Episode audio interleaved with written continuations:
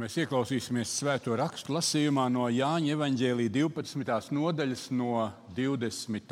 panta. Jāņa evanģēlijas 12. nodaļa, no 20. panta. Starp tiem, kas bija atnākuši svētkos, lai pielūgtu, daži bija grieķi. Tie atnāca pie Filipa, kas bija no, no Betsaidas Galilejā, un lūdza viņu: Kungs! Mēs gribam Jēzu redzēt. Filips iet pie Andreja, lai viņam to sacītu. Andrejs un Filips nāk un saka to Jēzum.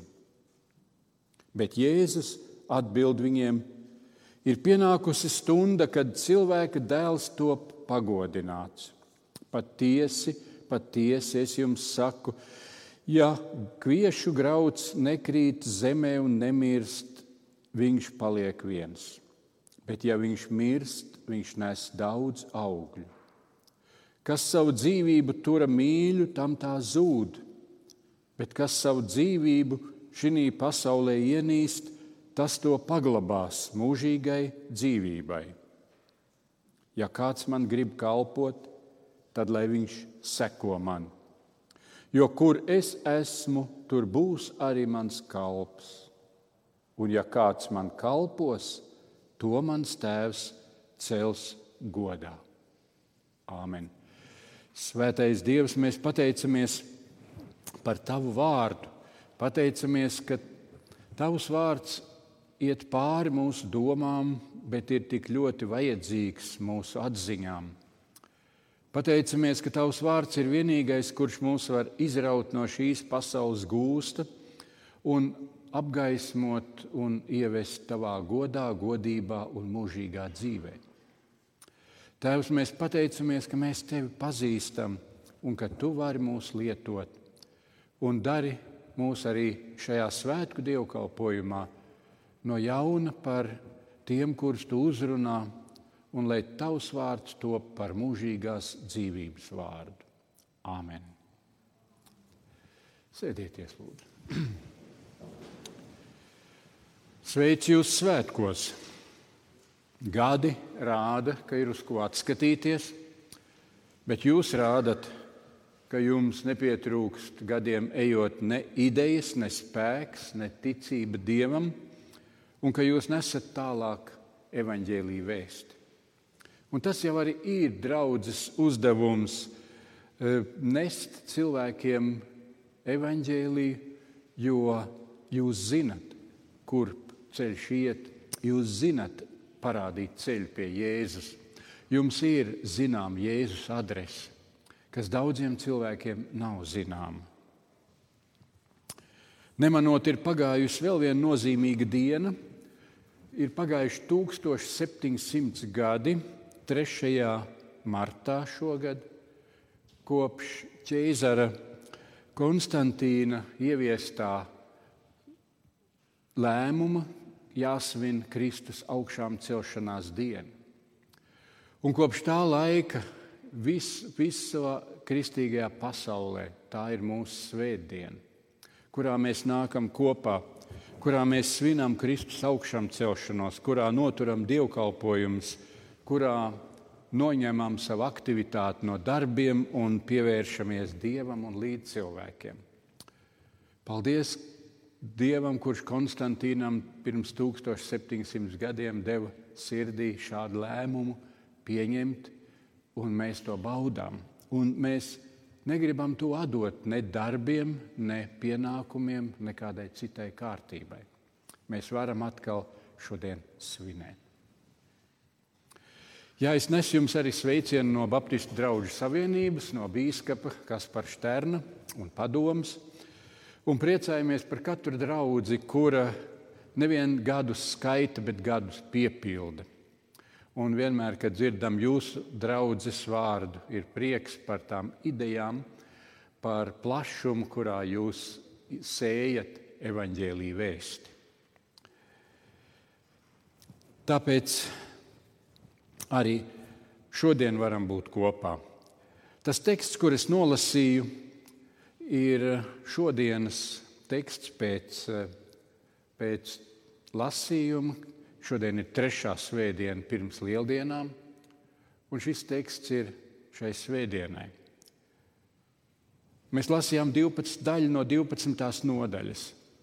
Tā ir pēdējā nodaļa Jāņa evanģēlijā, kurā Jēzus runā uz tautu. Tālāk viņš sarunāsies tikai ar saviem mācekļiem, un būs Jēzus misijas piepildošie notikumi. Pēdējie vārdi tautai. Un Jēzus saka, tagad cilvēka dēls tiek paaugstināts. Augstākā mērā popularitāte. Ik viens, kurš ko dara, viņš vēlas būt novērtēts. Nu ir brīdis, kad tauta ir grandiozi sveikusi Jēzus ieiešanu Jeruzalemē. Bija pūlis, bija saucieni, bija sveicieni, visa pilsēta bija sakustējusies. Un pat ārzemnieki vēlas Jēzu redzēt. Jēzus ar mācekļiem šo laiku no pūpolsvētdienas līdz lielajiem notikumiem pavada Jeruzalemē, Paskā svētku svinībās. Šie svētki atgādināja par Dieva brīnišķīgo vadību, atbrīvojot jūdu tautu no verdzības Eģiptē. Un tas bija Dieva likums, sviniet to un neaizmirstiet. Tam ir jātop vienmēr atgādinātam. Jūs bijāt vergi, un tagad esat brīvi. Svētkus svinēt nav cilvēka izdoma, tā ir Dieva pavēle lai skatītos uz to, ko Dievs ir darījis, un lai droši ietu tālāk ceļā, kurš Dievam ir, ir padomā. Uz šiem svētkiem bija sanākuši arī kādi grieķi. Tas ir dīvaini, ka grieķiem, kuriem ir, bija tā laika labākās filozofijas, un domas un atziņas, Viņi tomēr bija kādi, kuri meklēja ko savādāku, meklēja starp visiem daudzajiem dieviem, apbrīnoja tos, kuriem bija tikai viens dievs. Apbrīnoja viņu dzīves mieru, viņas, viņu ticības skaidrību un loģiskumu. Un viņi arī kaut kā iegribēja būt klāt tur, kur tiek svinēts un gods dots tam lielajam vienam dievam. Un viņi bija Jeruzalemē. Viņi jau nevarēja ieiet templī kopā ar jūdu tautu, bet viņi varēja palikt pagānu pagalmā. Viņi varēja skatīties, kā visi iet garām, bet, ne, bet viņi bija ārpusē. Viņi varēja kaut ko ieelpot no tā, kas viss te notika, bet viņi bija palika ar distanci bet viņi drīkstēja tur būt.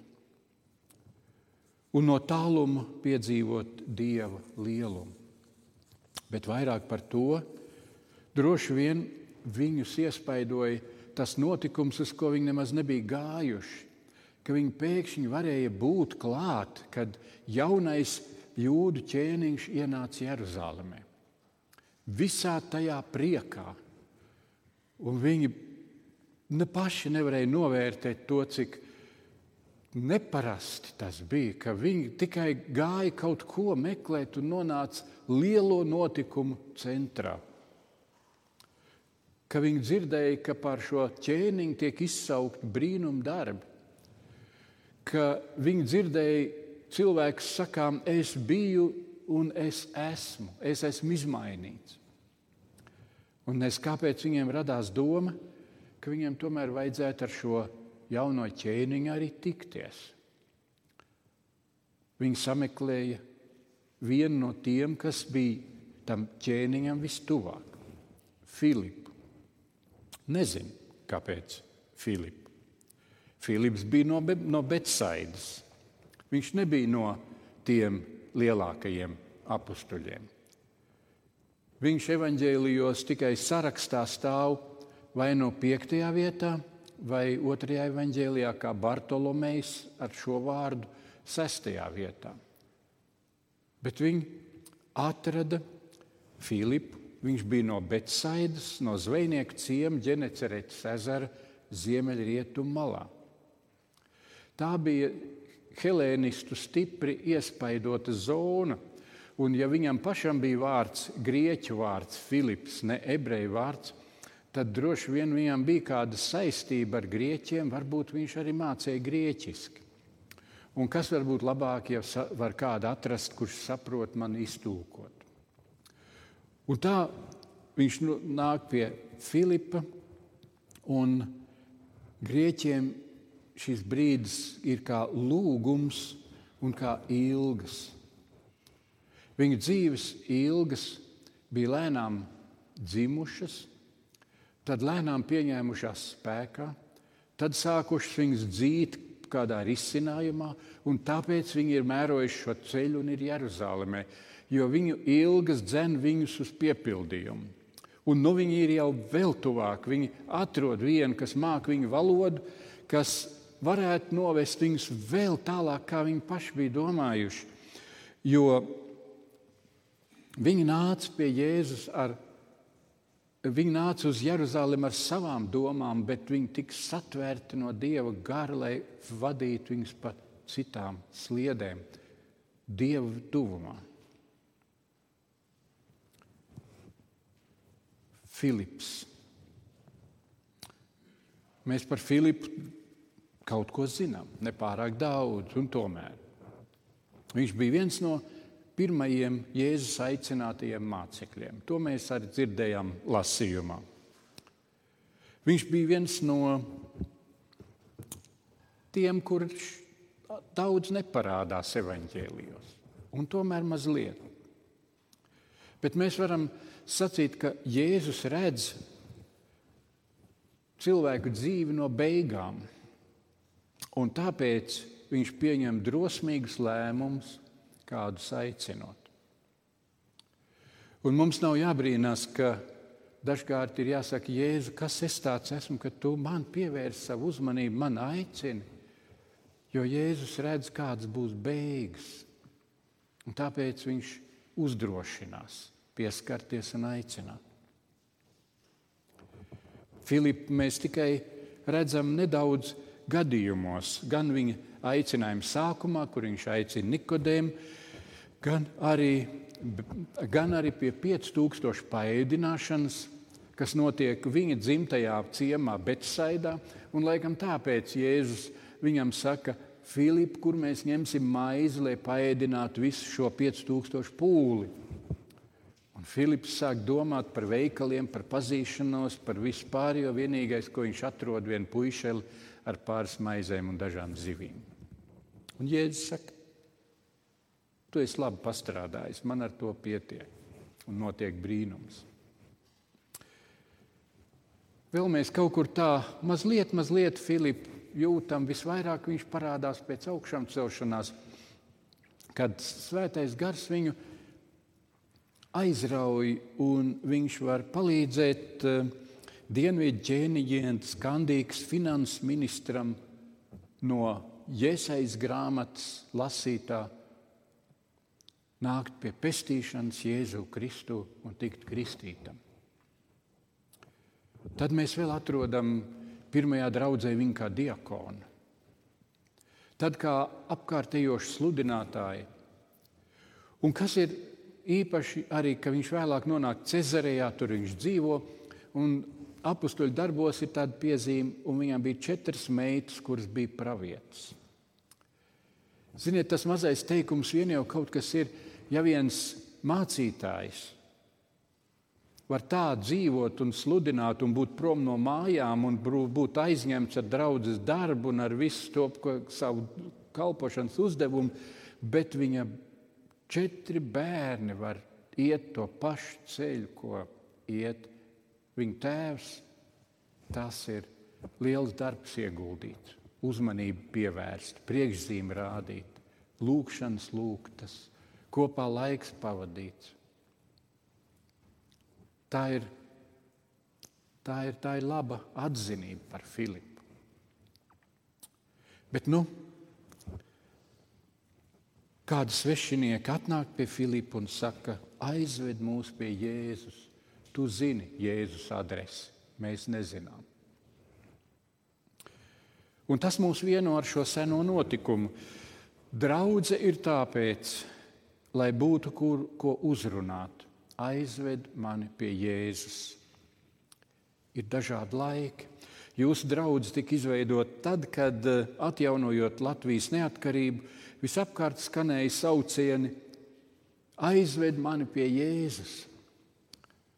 Un tad dievnam pildījās svētdienas skolas, bībeles stundas, dažādas, dažādā formā un veidā cilvēki alka, un mēs to nespējām visu nemaz īsti apmierināt. Cilvēki sauc, aizved mani pie Jēzus. Un mēs centāmies to darīt, jūs centāties to darīt. Dievnams bija pilns. Un tad nāk atkal kādi citi laiki, kad šādi aicinājumi tik bieži ne, nesas, neatskan. Un tad draudzes vairāk rūpējās par pastāvēšanu, par piesaistes formām, par uzticību kalpošanā, par svētapšanu, par jaunu kalpošanas iespēju izveidošanu.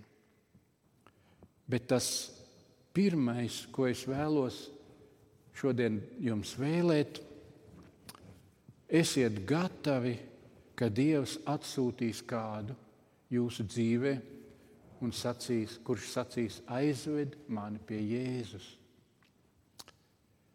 Un ziniet, ka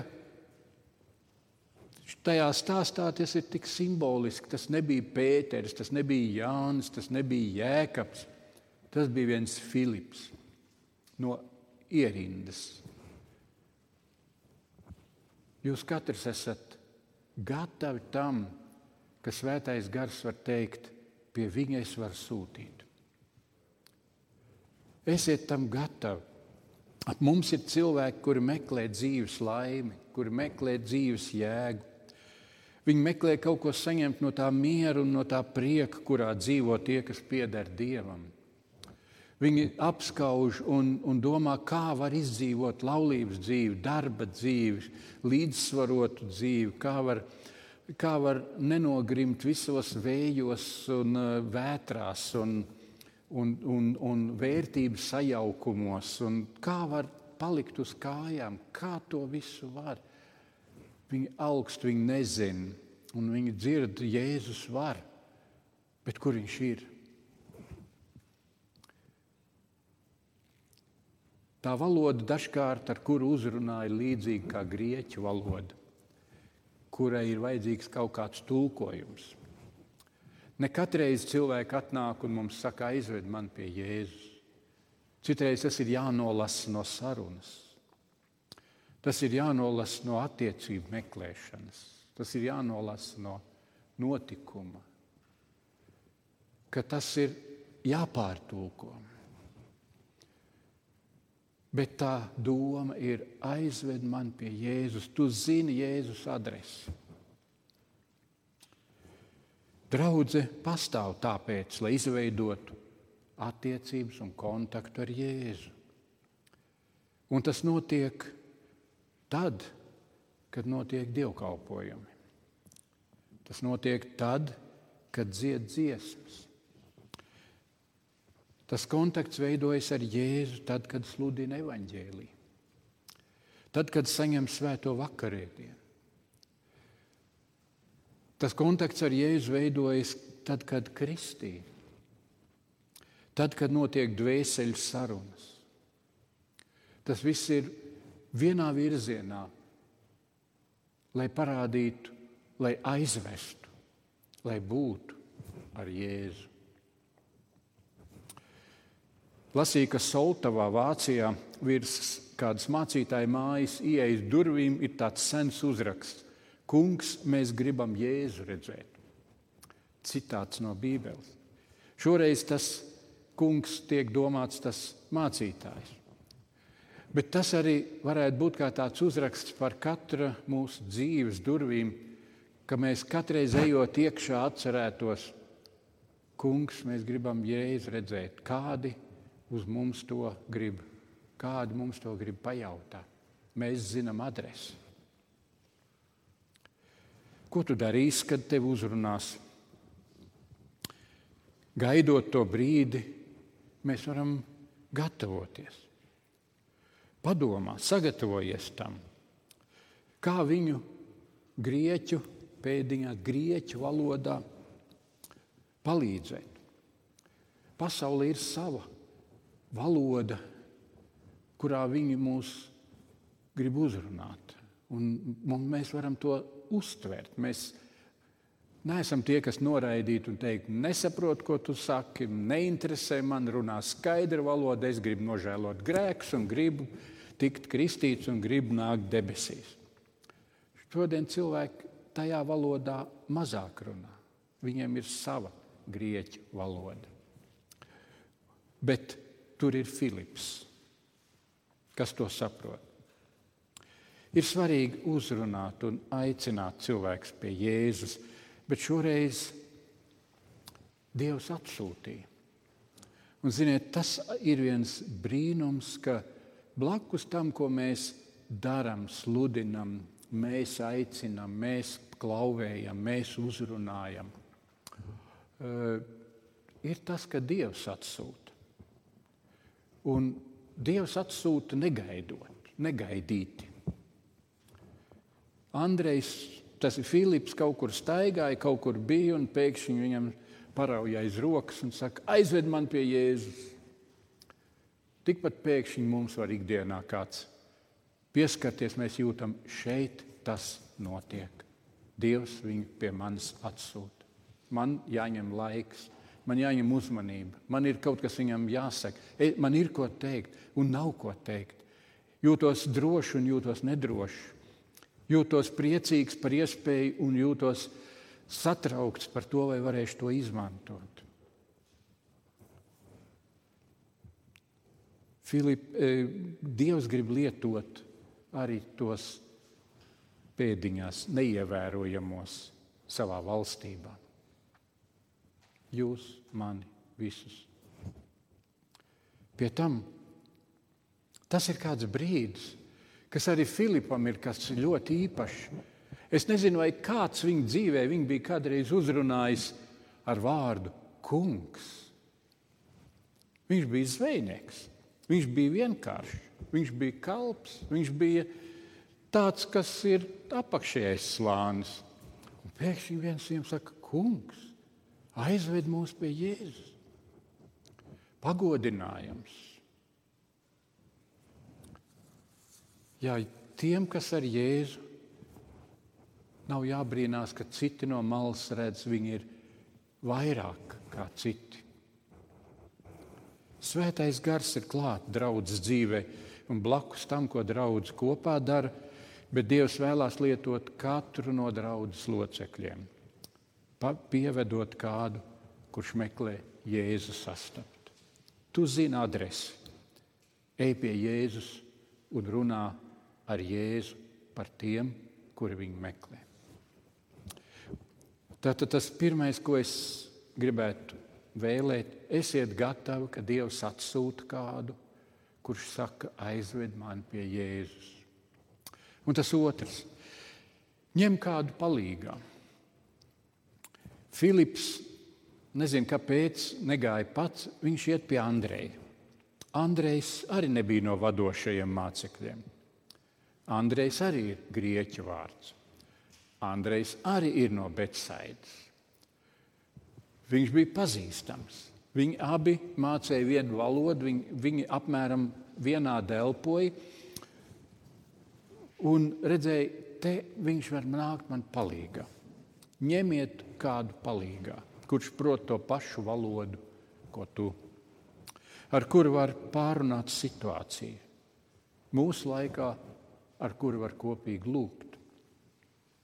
Jēzus saka, kur divi vai trīs ir sapulcējušies manā vārdā, tur es esmu viņu vidū. Ņem kādu palīdzību, atrod kādu. Ej klāt un saki, kā, tu, kā tev iet ar šo lietu. Zini, man bija darbā tāda saruna, un izgāzos, un kauns man ir. Kā tu rīkotos? Es negribu otrais izgāzties. Ņem kādu palīdzību, nākat kopā, lūdzat Dievu, Sakat, kungs, eh, tu taču gribi, ka es zinu tavu adresi un vedu cilvēkus pie, pie tevis, bet uh, dod man kādu palīgu, dod man vienu Andreju blakus.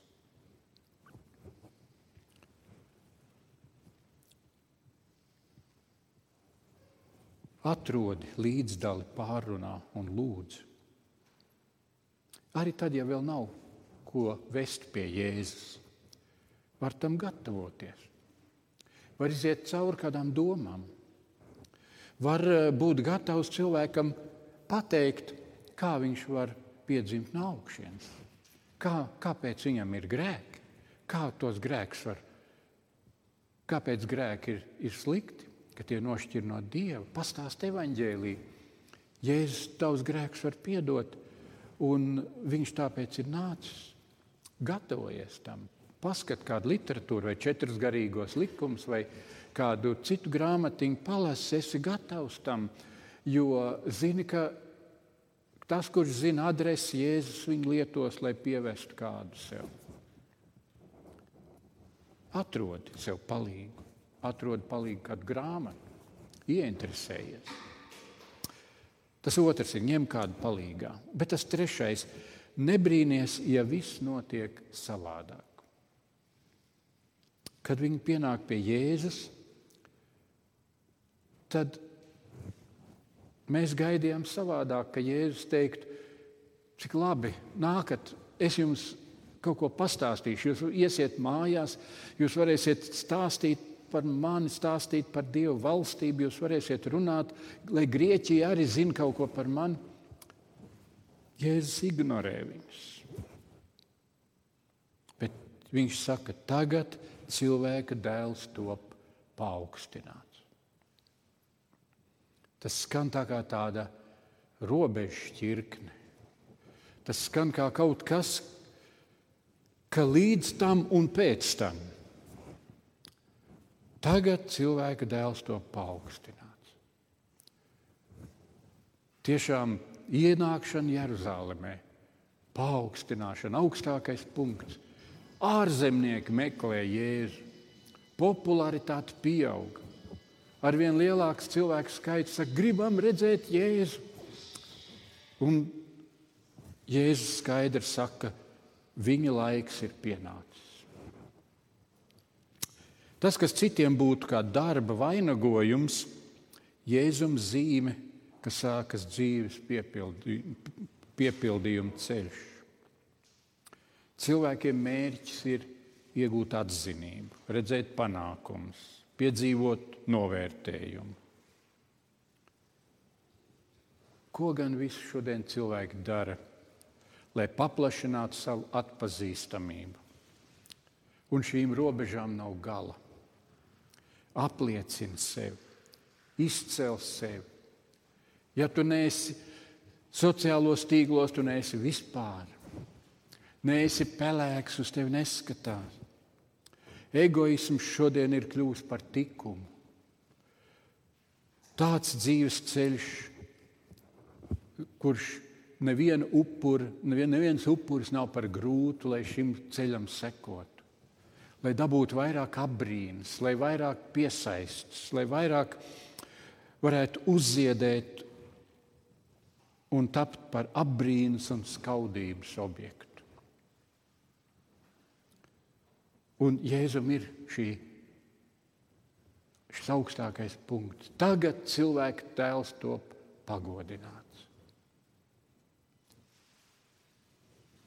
Ko Jēzus runā šajā brīdī, kā viņš to izmanto?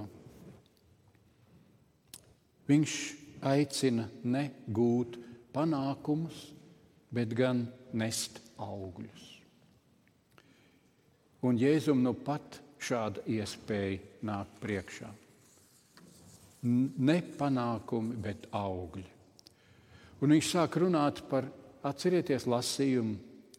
Tur bija par graudiem, par miršanu, par augļu nešanu. Ja kas nemirst, paliek viens, kas mirst, nes daudz augļu. Un viņš runā par auglīgu dzīvi caur miršanu un salīdzina sevi ar graudu. iet augļu nešanas ceļu ir tāpat kā graudam iekrist zemē. Neievērots, sevi upurējošs un atļaujot notikt tiem procesiem, kurus Dievs ir ielicis viņa dzīvē. Tad rodas augļi. Jēzus to runā par savu Golgātas ceļu. Un tas, kas citiem būtu kā darba vainagojums, Jēzum zīme, ka sākās viņa piepildījuma ceļš. Viens grauds paliek viens. Un Jēzus to runā nevien par sevi, bet arī par saviem sekotājiem. Kas ir viens grauds? Skaists, daudzsološs, un ja viņš paliek klētī, tad viņš var nokrist kaut kur malā un tiek izslaucīts ārā. Ja viņš tiek paņemts rokā un ielikts auglīgā zemē, tad kaut kas rodas. Ziniet, ka no viena grauda ceturtajā paudzē radās miljons graudu. No viena grauda, ceturtajā paudzē, miljons graudu. Un es nezinu, vai Jēzus to tā sarēķināja, bet katrā ziņā viņam tas princips likās ļoti atbilstošs Dieva valstībai. No viena, kurš nomirst, ir piedzimst tik daudz, tik liela nākotne. Jēzus runā par dzīvi un par dzīvību. Un tur ir divi tie vārdi - dzīve un dzīvība. Kaut arī latviešu valodā tie abi vārdi vienādi. Bet tur ir it kā vienāds un atšķirīgs. Daudz cilvēkiem ir dzīve, bet dzīvība ir tikai tā, kas nes no šī laika cauri uz mūžīgo dzīvi. Un tā ir jāsatver jau šeit. Un kurš nemirst sev, tas izdzīvo dzīvi, bet viņš neiegūst dzīvību. Un tikai tie, kas nomirst sev, kas atļauj Dievam e, sevi laust, atdod savu dzīvi un saka, Kungs, piedod manus grēkus, nāc manā dzīvē, es gribu piederēt tev. Es pats nevaru, es pats krītu un atkal krītu, un es gribu celties. Un es negribu palikt tā guļot, bet es mirstu savam raksturam, es mirstu savai iegribai, es mirstu laika garam, es nomirstu šai pasaulē, es gribu dzīvot ar tevi. Tāds iegūst dzīvību, un tā jau ir šeit mūžīgā dzīvība. Tikai tāpēc, ka Jēzus negāja populisma ceļu, bet savu sūtības ceļu, mūsu grēki var tikt piedoti. Dzīve sakārtot un dzīves jēga saņemta. Un jau Iesai 53. nodaļā runā par to un saka, bet tas kungs bija lēmis viņu satriekt ar ciešanām. Kad viņš nodos savu dvēseli par salīdzinājuma upuri, viņš redzēs izaugam jaunu dzimumu un dzīvos ilgi, un tā kunga gribas piepildīšana svētīgi sekmēsies ar viņa rokas darbu palīdzību. Miršana, kur nes augļus. Bet nu, tas ceturtais. Kas tad notiek ar grieķiem? Mēs nezinām. Es domāju, ka viņi bija tur klāt. Ka viņi redzēja un dzirdēja Jēzu runājam grauda līdzību. Un Jēzus nevēlējās kļūt par apbrīnas objektu, bet par apbrīnot un, un par apbrīnas objektu, kuru apbrīnotu ar vien vairāk skatītāju. Un ka tas būtu tas mērķis piesaistīt arvien vairāk cilvēkus, kuri grib Jēzu redzēt un eh, tad viņu apbrīnot. Tie cilvēki atnāk ar saviem plāniem un ar savām ilgām. Un tad viņi mēģina vērtēt kristietību no tā, cik tas atbilst maniem plāniem. Es gribu redzēt, un tad viņi saskaita, cik izdevīgi man tas ir un cik nē. Bet Jēzus nāca pretī ar savu plānu, kas viņa plānā neietilpa, bet pavēra viņiem pilnīgi jaunu skatu un jaunu realitāti. Vai gan Jēzus nez, nezināja to, ka redzēšana neko dzīvē lielu nedod? Redz, apbrīno, bet paliek ārpus robežai otrajā pusē, kur tad var sacīt, es gan redzu, bet es neesmu tur iekšā. Es gan varu redzēt, bet viņi, kas ir iekšā, ir kas vairāk. Svarīgākais nav Jēzu redzēt, bet gan Jēzum sekot. Un to Jēzus saka, kas man seko. Nevar vienlaicīgi mīlēt pasauli un tās kārības un dievu un viņa valstību. Un to, ko mēs paši nevaram, to caur Jēzus nāvi, miršanu, augšām celšanos, Kristus mums dāvā. Kas ir tā patiesā mūsu dzīves prioritāte. Šī pasaule vai Kristus aicinājums. Popularitāte pasaulē vai savu spēku lietošana Dieva evaņģēlīja vēstī. Kas ir mūsu prioritāte? Vai tas, ka mēs atsaucamies un sakam, ņem mani, kungs, manu spēku, manus talantus, manas spējas, vai tas, ka mēs teiktu, Ja man nebūs tā kā citiem, es palikšu dzīvē zaudētājs. Kas ir prioritāte? Grieķi droši vien palika Jeruzalemē vēl kādu brīdi, līdz svētku beigām. Tādā gadījumā viņi tika rauti līdz tam pūlim, kad Jēzu veidu uz Golgātu.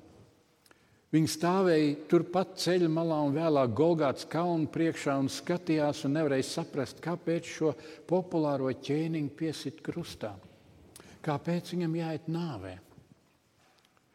Viņi redzēja un piedzīvoja kaut ko to, ka no redzēšanas, kas ir svarīga, ir jāieiet kādā dziļākā izpratnē.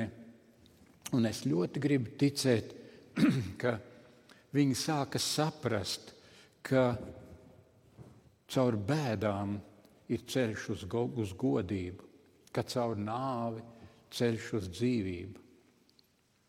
Un viņi sāk saprast, ko tas nozīmē graudam mirt un nest augļus.